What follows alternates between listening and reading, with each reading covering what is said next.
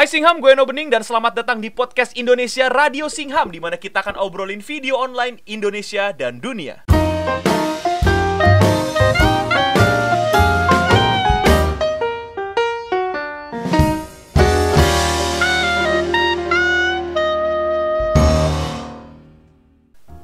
Podcast ini enaknya didengar pas lagi mau tidur, pas lagi mau on the way ke kampus atau kantor atau lagi mau masak. Pokoknya di mana pun kalian berada, lagi ngapain kalian, ini tinggal pasang headset dan lanjutin aktivitasmu tanpa harus liatin layar. Karena inilah podcast Radio Singham. Kali ini kita mau ngobrol bareng sama polisi. Nah, lo ini polisi nih. Gimana nih kita ngobrol bareng polisi di Radio Singham nih? Kapan lagi nih? Dan lebih ngerinya lagi, ini polisi itu juga YouTuber. Waduh, ini keras hidup ini nih ya. Jadi langsung yuk kita ngobrol bareng sama Om Dede alias Om Senang Gamer 27. Halo Om Dede, apa kabar? Halo, selamat malam. Assalamualaikum warahmatullahi wabarakatuh. Wih. Salam sejahtera, Om Swastiatu, Swastiastu, Namo Buddhaya ya. Wis. Karena kita karena kita ini uh, Bhinneka Tunggal Ika, jadi saya sebutin semua dah. Wis lengkap, wih. Iya, iya. Buat yang belum tahu, Om Dede ini biasa dikenal dengan Om Senang Gamer 27. Dia ini juga seorang YouTuber. Masalahnya ini orang polisi. Om, ngapain ke YouTube, Om? Oh ya, seorang polisi jadi youtuber itu Nah. awalnya iseng-iseng gitu loh. Ya sebenarnya awal dari keiseng-isengan itu sih yang akhirnya sampai sekarang keterusan gitu loh. jadi Jadi bener-bener karena bosan di rumah gitu? Iya, dulu dulu waktu masih umur lima tahun udah udah kenal sama dunia game terus pas waktu lulus seko- sekolah polisi nih ngeliatin para youtuber kayak asik juga nih ya ngeluarin bakat di YouTube gitu akhirnya coba-coba lah Oh. Terusan. I see, I see. Nah, Om, eh, awal mula nyobain YouTube tuh tahun berapa sih, Om? Dan apa yang pertama kali Om pikirkan waktu itu? Buat ah pengen jadi youtuber kah atau emang karena ah bosan di rumah ah pengen ngapain kayak gitu? sebenarnya eh, dulu waktu pertama tahun 2016 channel YouTube-nya saya dibuat itu Hmm. saya nggak ada kepikiran sama sekali jadi YouTube youtuber gitu ya ah, ah. Terus awal mula video yang saya upload pun itu sebenarnya nggak ada sangkut paut sama game ataupun dunia per YouTubean gitu ya. Terus upload pertama apa nih? Waktu itu saya eh apa namanya jaga tahanan ini cerita. ya. Gimana gimana? Kok kok jaga tahanan? Gimana gimana coba coba coba. Nah, jadi jaga tahanan kan waktu itu ada olahraga sore tuh. Kebetulan saya mimpin olahraganya juga di dalam. Terus saya record gitu, saya upload ke YouTube. Dan yang nonton sekitar kurang lebih 400 ribu orang. Tapi sayangnya video pertama saya itu saya hapus gitu loh karena takutnya melanggar ini gitu loh hak Oh. asasi manusia gitu. Oh, Gitu aja sih. Takutnya nggak ini ya, nggak sesuai ya. ya nggak sesuai dengan nggak etis lah. Hmm, bener jadi gue gue hapus waktu itu. Oh, oke oke oke. Nah, dari dari situ apa yang tiba-tiba jadi gaming kan? Awalnya tahu-tahu ngupload terus tahu-tahu gaming nih. Awal mula gamingnya nih dari mana nih? Waktu itu kan lagi booming boomingnya Reja Arab kalau nggak salah ya pertama kali YouTube muncul Oh, ya. oh, oh. Wah, eh, saya lihat wah e- enak juga nih ya seru juga bisa nyalurin main game di YouTube gitu. Hmm. Itu aja sih nggak ada kepikiran YouTube dapat duit atau gimana gitu nggak ada. Game pertama yang dicobain apa tuh, Om? Eh, kebetulan saya eh, penonton eh, Rabu Dota. Wah. saya pemain Dota. Seriusan? Yup, bener. Aduh, thank you Om sudah menonton acara mati. Sekarang Om fokus di YouTube banget banget nih aku lihat sampai bikin studio kan sampai s- beli Hmm. alat mic berarti Om bakal bener-bener apa ya bener-bener pengen melampiaskan kesenggangannya di YouTube nih itu keluarga nggak ngamuk apa kok udah dapat dapat jabatan di polisi kok malah nge YouTube gitu Jadi dulu ceritanya lucu Mas Eno. Oh, Eh, Jadi jam, setiap jam saya kan rata-rata di atas jam satu malam baru berhenti main gitu. Jadi istri kadang-kadang ngasih teguran gitu. oh Wajar lah ya. Karena jaga kesehatan juga kan gitu. iya Eh, dong kalau- Kalau sekarang sih nggak ada negur-negur karena udah tahu ada duitnya. Ini yang yang aku pengen tanyain banget nih. Itu jadi Om tuh polisi apa sih? Kok bisa gitu? Maksudnya ngapain sih tugasnya? Kan katanya polisi banyak bidang-bidangnya ya, nggak semuanya nilang-nilangin, nggak semuanya Iya, nangkep-nangkepin benar. penjahat. Nah, Om tuh polisi yang mana? Yang nangkepin eh, bandar narkoba atau yang nilang-nilang? Hmm. Kebetulan sekarang saya itu di Babin Kamtipmas Mas Eno. Apa Dan, tuh? Apa tuh? Itu eh, Bayangkara pembina ketertiban masyarakat gitu. Hmm, jadi tugasnya tuh Jadi ngapain? sih, Om? kayak semacam eh, penyuluhan di sekolah-sekolah tentang bahaya narkoba, kenakalan remaja dan lain-lain. Tertib lalu lintas juga gitu. Oh, yang ya, kayak ya. inspektur Vijay gitu. Nah, kayak kayak di kampung-kampung gitu. Cuma lebih spesifiknya nggak nangkepin orang, lebih ke arah persuasif lah. Jadi termasuk kayak malam ini saya diwawancari Mas Eno ini termasuk salah satu tugas saya juga gitu. Oh, wah, Sekarang. saya merasa terhormat nih telah Hmm. menyumbangkan apa sedikit eh, apa ya namanya energi dan waktu dan tempat saya untuk kepolisian Indonesia nih. Oke oke, jadi semangat nih Iya, saya nih. Nah nah nah, om om, ini pertanyaan yang lebih menarik lagi nih om. Lu kagak dimarahin apa sama atasan lu nge YouTube gitu, pakai baju polisi lagi? Jadi banyak yang nanya tuh, banyak yang nanya. bener. Saya juga ngeri om. pakai baju polisi. Eh, jadi gini Mas Eno, rata-rata saya kan eh, sering nonton video-video YouTube luar tuh. Heeh. Dan video YouTube Indonesia rata-rata mereka eh, menjual branding ya. Personanya. Iden- ya ide- persona identitasnya lah. Hmm. Jadi gue lebih menonjolin peker kok gue nggak bangga sama pekerjaan gue kan harusnya gue bangga nih. Eh, eh, eh, nggak apa-apa sih. Nah, jadi jadi jadi ya semacam suatu kebanggaan aja sih dan di pimpinan gue sampai sekarang alhamdulillah dukung. Oh dukung. Malah sampai ke sampai ke Mabes Polri pun eh, saya udah gabung di grup salah satu ya grup WhatsApp lah. Oh. Untuk salah satu polisi-polisi yang punya follower di atas 100k gitu jadi ngumpul bareng jadi satu. Yang polisi-polisi yang dikumpulin itu bisa buat jadi influencer yang baik buat masyarakat gitu lah. Ah, nah berarti jadi Hmm. da- tapi tetap di bawah pengawasan atasan ya Om ya, nggak asal-asalan lah ya bikin YouTube-nya. Ya bener ya. Polisi kan juga waktu itu sempat ada mas, bukan kasus lah ya, lebih kepada fenomena gitu polisi yang menjadi terkenal ya. Aku kan ngeliatnya dulu ada Bribtu Norman lah ya yang terkenal dari YouTube juga gitu dan ya endingnya kurang baik tuh dan di kepolisiannya ya di Hmm. kehidupan aku nggak tahu tapi di kepolisiannya katanya diberhentikan. Nah itu apa sih yang menyebabkan seorang polisi itu bisa diberhentikan ketika dia mendapatkan banyak atensi dari masyarakat? Kesalahan Bribtu Norman itu kalau Om tahu nggak kira-kira apa? Eh, gue gue nggak tahu ya secara spesifiknya bagaimana cuma kalau yang saya lihat sih eh, dia itu waktu yang saya dengar ya dia berangkat ke Jakarta itu tidak izin pimpinan gitu loh jadi karena kita masih di bawahnya kepolisian kan paling nggak harus ada izin gitu ya Hmm. nah hal itulah yang membuat dia membuat pelanggaran yang bisa disanksi disiplin gitu jadi polisi itu ada kode etiknya gitu Hmm. Sama kayak dokter pengacara polisi jaksa itu semua ada kode etik gitu semua pekerjaan profesional pasti ada kode etiknya kecuali youtuber Iya. kagak ada kode etik Iya. youtuber tuh nggak jelas semua Jadi kayak misalkan ninggalin pekerjaan selama 30 hari udah dianggap disersi. disersi itu apa tuh Disersi itu meninggalkan tugas. Oh, udah dipecat Ya, lisannya itu itu hukumannya berat, bisa sampai pemecatan. oh gitu jadi dan, dan banyak juga nih penonton-penonton saya nanya, "Om, Oh, polisi pilih polisi atau YouTuber gitu?" gimana tuh Ya, banyak gitu kan nanya Gimana, gitu gimana, gue gimana? jawab ya gue malah gue polisi mending gue tinggalin YouTube gue gitu loh karena Kenapa? awal mula gue jadi kan gara-gara polisinya gitu loh bukan karena YouTube YouTube-nya gue jadi Hmm. orang Oke oke paham paham. Jadi ternyata kepolisian Indonesia tuh tidak melarang eh, personil-personilnya untuk eksis di dunia maya ya Om ya. Maksudnya Bribtu Norman itu kasus lain ya, bukan karena dia terkenal lalu di eh, dipecat kan, melainkan dia yang bukan eh, lalai. Iya melalai Ya, dia sama yang lalai benar Eh, buktinya aja Om Benar. sampai sekarang kagak di ini ya kagak dipentung-pentung ya sama atasan ya. Masih Ya, aman ya. aman aman gue aman ya aman bahkan sering di calling calling sama pimpinan dibikinin gue video dong gitu Oh ya, gitu. gue bikinin gitu iya Oh. Tapi yakin nih seumur umur nggak pernah dimarahin sama YouTube nih cerita-cerita dong. Masa nggak pernah sih sama atasan lah minimal dimarahin lah gitu satu video dua video. Masa nggak ada sih? alhamdulillah sekarang disupport pimpinan karena kan udah masuk beberapa media sosial nasional juga gitu pernah masuk salah satu televisi swasta juga di Indonesia jadi ya aman lah didukung terus Bener-bener tuh. asalkan jangan jangan melanggar norma-norma ah, yang ada gitu loh kayak kayak melecehkan institusi gue gitu ya. Oh, jadi kayak, kayak gitu nggak nggak boleh gitu. Nah kalau pakai seragam itu beneran gak dilarang tuh pas selama syuting. nggak nggak ada nggak ada pelarangan sama sekali. Wih, jadi emang bangga dan ternyata diizinkan lah ya sama institusi untuk Hmm. pakai seragam.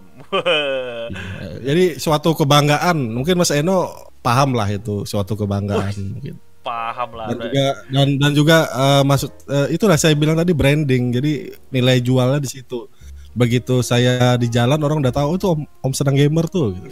Terus jadi gak ditilang gara-gara lu gitu. ya Nyantai nih, nyantai gitu, gitu. ya nyantai nyantai aja nggak usah nggak usah panik kita pakai cheat GTA aja gitu Ya, gak gitu dong.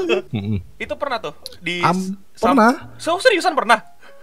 pernah waktu dinas disamperin sama orang terus nggak kenal orangnya siapa dia salaman dan di tengah jalan ngajakin foto gitu. Yang gue gue kadang-kadang eh, gimana ya eh, bukannya jadi jadi kayak malu gitu loh. Oh, eh, jadi malu aja gitu. Bukan cuma ya nggak apa-apa gitu sih ya.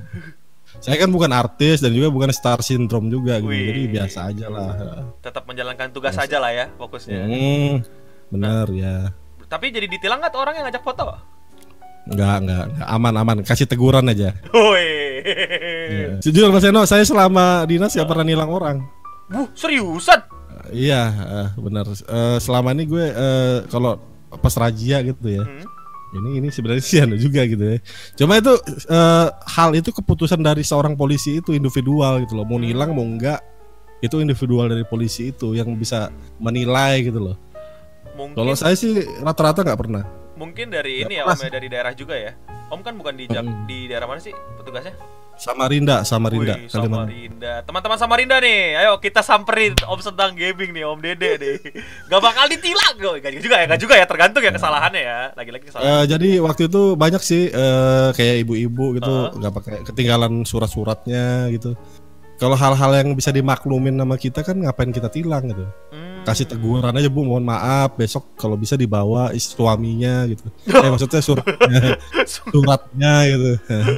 Oh, iya, Udah, iya. ya gitu-gitu lah. Akhirnya itu menjadi keuntungan saya juga gitu. Eh, di tengah masyarakat kadang-kadang, ayo pak makan ke rumah saya, saya punya rumah makan nih gitu. Wih. Jadi ada ada feedback juga buat kita gitu loh. Oh iya iya. Jadi bukan berarti nggak bakal ditilang semua ya. Jadi Om ini lihat Nah. dulu pelanggarannya Lihat situasi. se- Benar. separah apa sih ya kalau misalnya cuman pelanggaran-pelanggaran yang masih bisa dimaklumi ya dimaklumi Hmm, tapi kalau misalnya benar. bawa motornya 8 orang ya ini udah ngapain gitu kan Iya benar benar benar benar benar. Iya. Ah, saya juga mau ngasih tips juga buat teman-teman oh, gitu boleh ya. nih boleh Kalau misalkan ber- berkendara gitu ya, eh, ada polisi jangan panik gitu. Kalau ya, udah lengkap gak usah panik.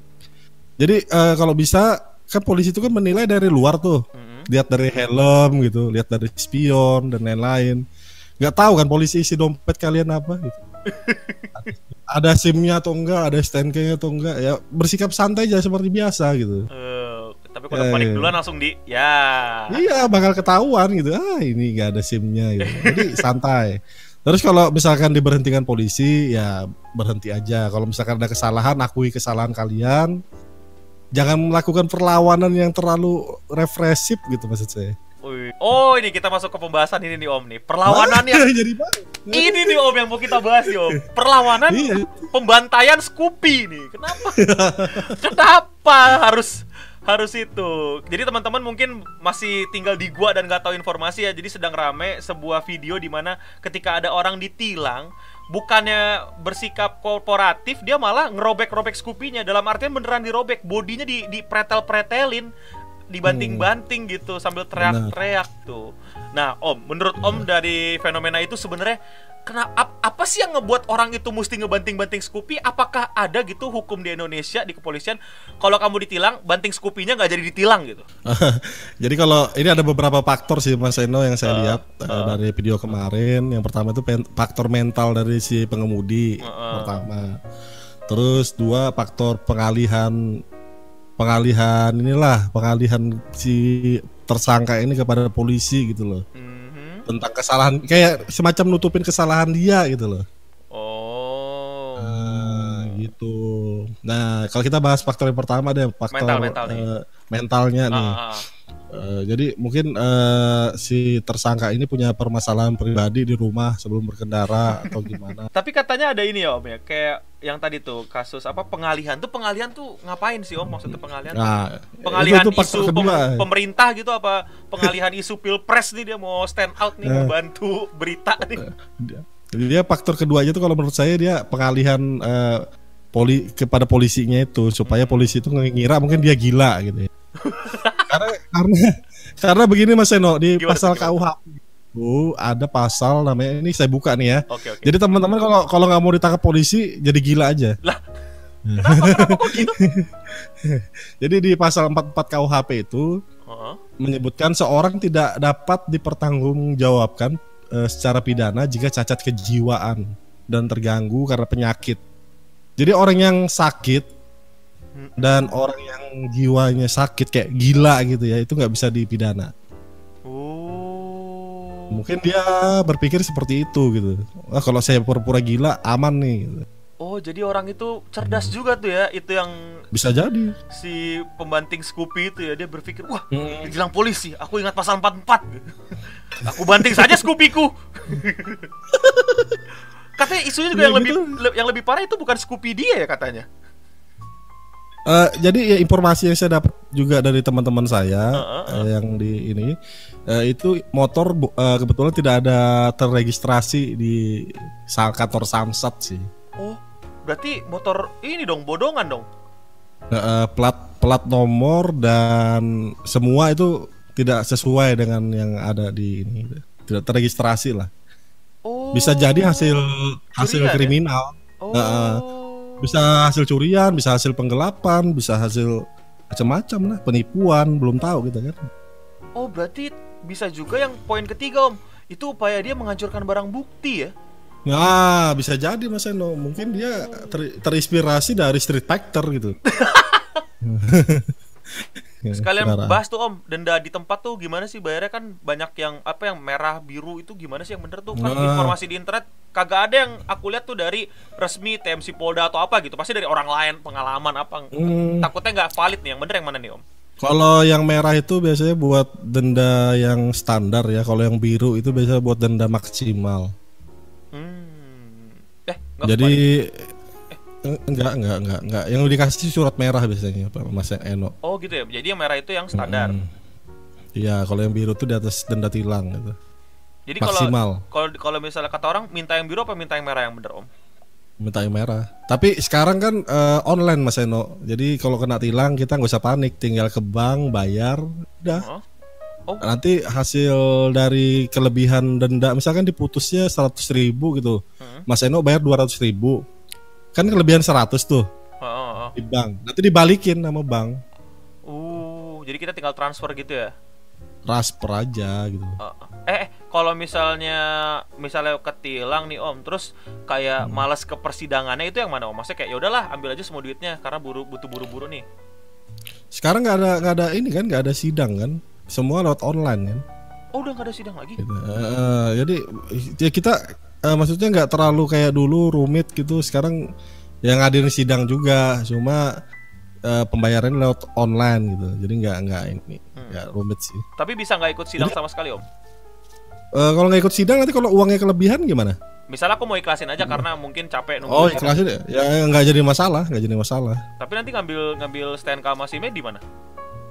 Eh nanti ambil STNK mesinnya di Urtilang di Polres masing-masing biasanya Oh, gitu. tapi bisa langsung langsung sidang langsung ambil aja ya. Langsung ambil aja gitu. Kalau udah jadi gini Mas Eno, ketilang kan prosesnya kan. Hmm. Ini lucu nih om. Aku seumur hidup belum pernah kena tilang, jadi nggak tahu. Maaf nih om. Karena aku cukup disiplin berkendara. Iya, jadi misal Eno nih ketilang nih. Iya ketilang. Ah misalnya. Eh, eh, dikasih surat tilang ah, gitu ya. Nanti di surat tilang itu ada semacam registra register buat bayar ke rekening bank gitu. Nanti Mas Eno bayar itu di bank. Setelah bayar di bank, Mas Eno ke urusan tilang di Polres. Di situ ada namanya Kaur ti- apa Baur tilang. Hmm. Pokoknya urusan tilang lah. Nanti serahin aja eh, slip pembayaran Mas Eno dan surat tilangnya itu, itu nanti motornya dibalikin gitu yang dita- ditahan. Hmm. Gitu. Jadi prosesnya sekarang tinggal bayar, ambil langsung ya. Mm, ambil, jadi nggak ribet kayak dulu. Bisa hari itu juga om. Bisa. Uh, aku baru tahu. Jadi nggak usah panik lah itu ya. Oh. Nah, jadi kita harus harus inilah harus eh, eh, ngelihat diri kita, oh kita salah nih. Ya udah akuin aja kita salah gitu loh. Indonesia Indonesia ini lebih lebih ringan loh Mas Eno dibandingkan kayak negara-negara luar Singapura, Jepang gitu. apanya tuh? Apanya tuh? Yang eh, denda atau pelanggaran lalu lintas kalau di Jepang Oh. itu dia kayak eh, sekali ngelanggar lu bakal dicabut SIM lu Yo, seumur hidup. lah, Bener. Bahkan ada di eh, negara Malaysia kalau nggak salah itu kayak semacam dibolongin SIM-nya. Ya. Jadi kalau ada tiga kali bolong udah nggak bisa bikin SIM lagi lo seumur hidup. Ya. Dan bayarnya mahal puluhan juta Mas Eno, bukan Hah? kayak di Indo. Iya. Apa mungkin perlu kita gituin ya biar makin disiplin orang ya? Jadi ya sekarang ini gimana ya eh, kesadaran hukum aja sih, kesadaran hukum kita aja sih gitu loh. Itu aja yang harus ditingkatin. Gitu. Hmm, gitu, sip sip. Ini ada pertanyaan nih Om dari para singham nih Om. Tadi banyak banget yang nanya di chat. Om, komentar dong tentang hukum yang pakai GPS sekarang kena tilang itu gimana sih? Nah, mungkin Om ada informasi nih tentang hukum baru ini? Hukum pakai GPS ya. Hmm. Eh, sebenarnya itu eh, gini nih, eh, sama kayak kita berkendara menggunakan handphone gitu. Mm-mm. Ya, ya seperti itulah. Eh, jadi bisa dikenakan pasal lalu lintas juga seperti bisa ditilang aja jelas bisa ditilang karena bisa mengalihkan perhatian kita gitu loh. Oh. GPS. Nah, jadi manusia itu kan nggak kayak komputer Mas Eno nggak bisa multitasking yang terlalu berlebihan gitu. Jadi satu pekerjaan aja butuh konsentrasi tinggi kayak berkendara kan butuh konsentrasi tinggi tuh. Mm-mm. Kalau kita bermain gadget atau buka GPS di jalan itu itu juga membahayakan sih menurut saya.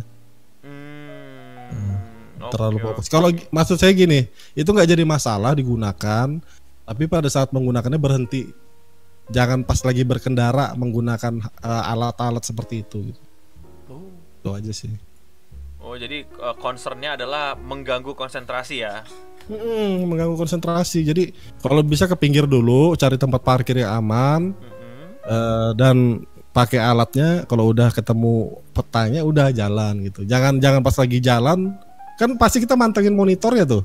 Hmm. Tahu-tahu di depan udah ada mobil kan nubruk, pinter jadi kecelakaan gitu. Itu sih mungkin. Oke oke sip sip sip. Nah Om pernah ada pengalaman eh, ini nggak Om yang nggak enakin gitu selama menjadi youtuber? Cerita-cerita dong Om kan nggak selamanya hidup ini menyenangkan Om. Pasti ada nggak sih satu dua biji pengalaman yang bikin Om mungkin bete? Mungkin dari komen-komen yang menekan atau gimana? Eh, eh, saya sih sebenarnya eh, kadang-kadang kalau semua komen yang ada di YouTube saya saya baca. Yang jelek-jelek juga tuh. Iya, saya baca. Mhm. Semua komen saya yang ada di YouTube saya baca. Kadang-kadang pernah kejadian waktu itu pertama-tama saya nge-YouTube dan udah lagi rame-ramenya gitu ya. Kan pasti banyak juga tuh yang lagi head head speak gitu ya. Head kayak speech ya. eh, eh, kayak ngomongin kita itu jelek-jelek lah. Heeh. Eh, pernah pernah sampai nanggepin gitu, pernah sampai nanggepin bahkan sampai tak eh, mau tak lacak IP ya gitu. Waduh, guys jangan pernah komen aneh-aneh. Om sedang Nah, tapi gaming. dulu, tapi dulu, dulu, dulu, dulu dan itu sekarang udah ah udah biasa lah. Artinya eh yang komentar-komentar miring itu biasa karena dunia maya itu kan berbeda dengan dunia yang real gitu. Jadi saya maklum lah. Sekarang sih udah nggak nggak ada kepikiran sama eh, hater-haters itu nggak aman sih. Aman lah ya, nggak nih. Mm-mm. Kalau dari segi YouTube-nya sendiri ada suka kendala nggak sih Om?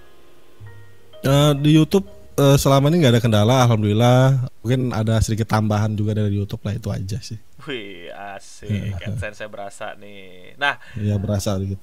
youtuber favorit Om siapa sih selain Reza Arab nih? Eh, saya eh, siapa tuh yang vlogger luar yang 10 juta subscriber itu? Siapa siapa? Casey Neistat, Wih. Casey Neistat. Nontoninnya Casey Neistat, cakep Om, cakep cakep. Selera lu boleh juga ternyata. Kalau Indo Agung Hapsah. Wih, oke oke. Tapi nggak nontonin Ata nih Om? ya eh, gimana ya?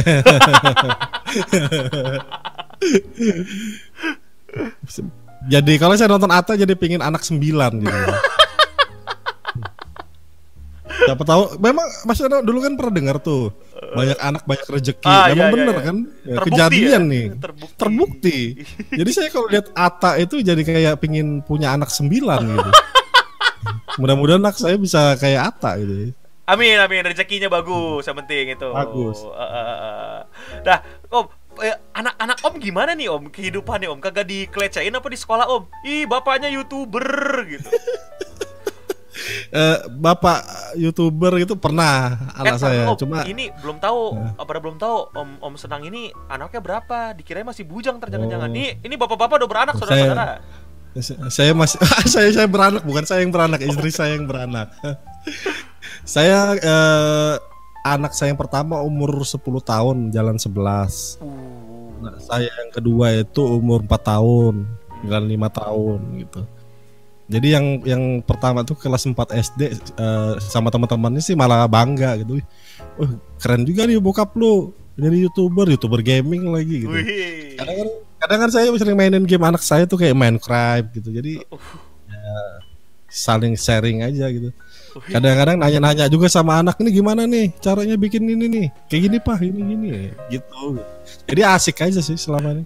Kagak diamuk sama anak sendiri Om kayak gantian Pak ini aku mau main. Lah, tar lagi rekaman lagi rekaman gitu.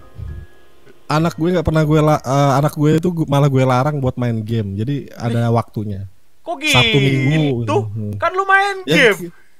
kayak gue dulu masih kecil begitu didikan bokap gue jadi nggak boleh lu main game di luar hari Jumat sama apa hari Sabtu sama Minggu gitu gitu Ih, Om, Samarinda kan terkenal warnetnya Om. Ntar cabut ke warnet lo nggak dikasih main. nggak nggak gue gebukin gue gebukin Wadah, wadah sendiri digebukin Om. Terus Bi- Bini pernah pernah pernah ngamuk gitu nggak? Apa kayak apa? Udahlah jangan main game mulu gitu. Bin, gue dari awal pacaran sampai gue nikah kan bini gue tahu gue gamer. kagak kagak kagak, kagak, kagak enak gitu. Dulu bahkan gue kan nongkrong di warnet pas Eno dulu, zaman dulu. Oh. Sudah sudah nikah sama bini kan, ayo ikut aku yuk jalan ke mana ke warnet. Jadi Ya. istriku duduk duduk di sebelah tuh. Ada kursi billing yang kosong, aku main Dota, biniku duduk di sebelah nungguin sejam gitu main. Habis itu ngapain? Lu tega lu bini lu, lu pakai apa? Whatsappan doang satu jam nungguin lu main. Mijitin. Jadi gue main Dota, main Dota gitu sejam, dia duduk di sebelah gitu. Ngapain? Habis main satu match, udah pergi. Ya, udah bini- memang gitu. Bini lu ngapain? Gue jadi bini lu gue gedek sih asli. Ngapain liatin orang main Dota sejam? Ajarin kayak main biar bisa main bareng. Dia nggak bisa main tapi gitu loh. Masalahnya itu. Ah, Gitu. bini lu mau mau aja malu nih curiga gue. Lu apain? Santai. Ah ini gue pelet, gue pelet. Ayo berarti ada kemungkinan besar anak lu ntar warnet juga pasti gimana itu? Lu aja Eh, warnet. warnet udah. Iya memang gue anak warnet dulu. Jadi ya maklum lah kalau yang penting jangan narkoba itu aja deh. Jangan aneh-aneh ya, jangan yang melanggar Jangan hukum. narkoba. Mm-mm, itu aja. Eh, om sendiri ini nggak om apa eh, di warnet tuh pernah ngerasain hal aneh-aneh apa nggak sih om gitu terus tiba-tiba udah eh taruh lu om waktu ke warnet tuh jadi polisi belum? Dari gue kuliah sampai gue jadi polisi gue main di warnet. Pakai baju dinas pernah gue main Dota. itu yang Gitu. mau gue tanyain lu pernah ke warnet pakai baju dinas ya terus orang-orang gimana? Pernah. Reaksi anak-anak anak-anak kampung sono kagak ada kabur apa ngeliat nih ngapain polisi masuk dah? Eh, eh, karena gue itu salah satu member paling lama di warnet tersebut, jadi gue eh, akrab lah, akrab. Malah sering mabar sama anak- anak-anak warnet di situ gitu. Sering mabar. Jadi akrab lah, kayak anak-anak pada umumnya ya kalau lu goblok lu goblok gitu-gitu, goblok gitu, gitu. ya sama lah bahasa anak warnet It- gimana it- gitu. itu kok kalau gua main sebelah lu gua gak berani ngatain balik sih biarin aja gue gua dikatain masa gua ngatain balik polisi yang bener aja dah Iya bener. Jadi ini cerita nyata dan itu ada di eh, kalau nggak salah gue pernah bikin. Gue kan mau bikin draw my lab tuh waktu 100k. Tapi gue udah rasa udah biasa lah kalau draw my lab. Jadi gue bikin video my lab gitu. video file Ada di. eh, jadi di situ ceritain gue dari warnet warnet main di warnet gitu pakai baju dinas. Nah, Ih. jadi ya biasa sama anak-anak. Sampai sekarang pun kalau ketemu udah biasa gitu loh. Gak ada gak ada batasan gak ada. seru banget hidup lu oh om nggak nontonin Kimi Hime om Eh, enggak takut dijewer bini gue ya. Suka sih, cuma kadang-kadang nontonnya di dalam WC gitu. ya om jangan Tak- gitu dong Kalau kalau gue di kamar ketahuan bini, ini jadi gimana di WC tuh lebih aman. oh lebih aman keamanannya yang kita kejar lah ya itu Safety, safety first. gitu. Kalau misalkan nonton nonton di kamar, bini di sebelah apa nggak di tampol? tapi menurut om Kimi Hime gimana om Eh, bagus, bagus, besar, besar channelnya. Ya. channelnya yang besar ya sama Mm, besar channelnya. eh, TKT besar ya tekadnya besar dan semua juga besar.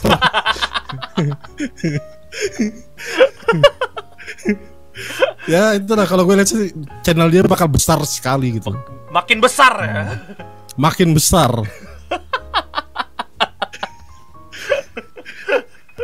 Itu Om tahu gak Om di kepolisian tuh pada nontonin Kimi Hime gak sih sebenarnya? Teman gue bahkan ada salah satu fans Kimi Hime itu. polisi. Waduh. Fans berat, aliran keras. Oh aliran keras malah. Hmm, Bahkan dijadiin waipunya tuh. Waduh. Kenapa jadi waipu dah? Iya. Kacau, kacau, kacau. Dia udah kelatur nih, kagak jelas nih omongan kita. Dia udah bagian seru Itu di kantor polisi nobar Kimi Hime. Eh, iya beneran, nanti mau gue videoin. Nggak percaya banget, sumpah. Kita loh normal semua, kita manusia bukan malaikat. Eh, itu seru om konten polisi nobar Kimi Hime om. Wih, om, bikin om. Itu seru om pasti.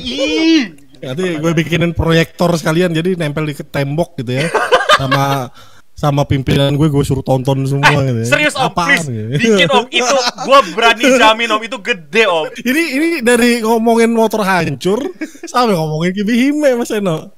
Inilah radio sih kau nyantai kita. Jadi juga pengen membongkar sisi lain youtuber dan juga ngobrolin hal-hal yang emang ngelantur tapi seru untuk diikutin nih. Dan penonton kita juga pada ketawa dan pada seru-seruan kayak gini nih. Wah gila gila gila. oh iya, ini buat penutup Om seperti biasa di Radio Singham nih buat para bintang tamunya itu wajib memberikan quotes tapi yang tidak benar. Oh, yang tidak benar. quotesnya mesti quotes yang nyeleneh atau yang nggak jelas atau yang entah apa itu jadi bukan quotes yang benar intinya quotes yang asal-asalan atau bebas lah gitu jadi Oke. quotes dari Om Dede Om Senang Gamer 27 untuk para Singham di Radio Singham kali ini apa nih? Hanya Link dan Kimi Hime yang bisa menyatukan bangsa Indonesia dan eh, memperkental toleransi di Indonesia. Oke Eh, memperkental toleransi di Indonesia. Hanya Link, biasanya itu aja hanya Link dan Kimi Hime. Wah, thank you Om Senang Gamer 27 alias Om Dede yang udah mau ngikutin Radio Singham Kita sudah live selama satu jam nih Om Wah, thank you banget nih Om Satu jam kita ngelantur Iya, nggak kerasa gitu ya.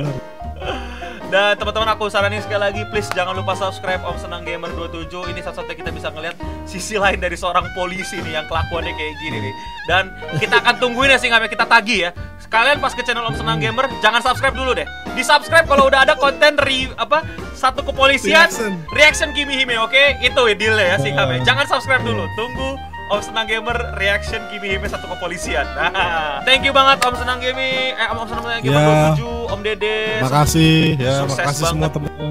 Sukses Ya. banget YouTube-nya, sukses banget karirnya juga di kepolisian, sehat-sehat keluarganya, anak-anaknya. Makasih semuanya. banyak. Ya. AdSense saya biar makin Amin. bisa mendukung biaya anak eh, sekolah. Amin, alhamdulillah amin ya. Oke itu aja Singham dari gue. Eh, kalian gimana nih? Komen kalian ditunggu nih di bawah nih untuk eh, Radio Singham berikutnya nih apa? Eh salah deh kan jadi ngomongnya. Gue tunggu komen kalian tentang Radio Singham eh, kali ini gimana seru? Apakah kita mesti ngelantur bareng sama Om Senang Gamer 27 lagi? Ah, apakah kita mesti undang-undang yang model-model kayak gini lagi kalian komen di bawah siapa yang mesti kita nonton kita bahas apa nih oke jangan lupa share video ini subscribe kalau kalian belum subscribe give a like dan yang paling penting untuk kita semua singham stay clean and sound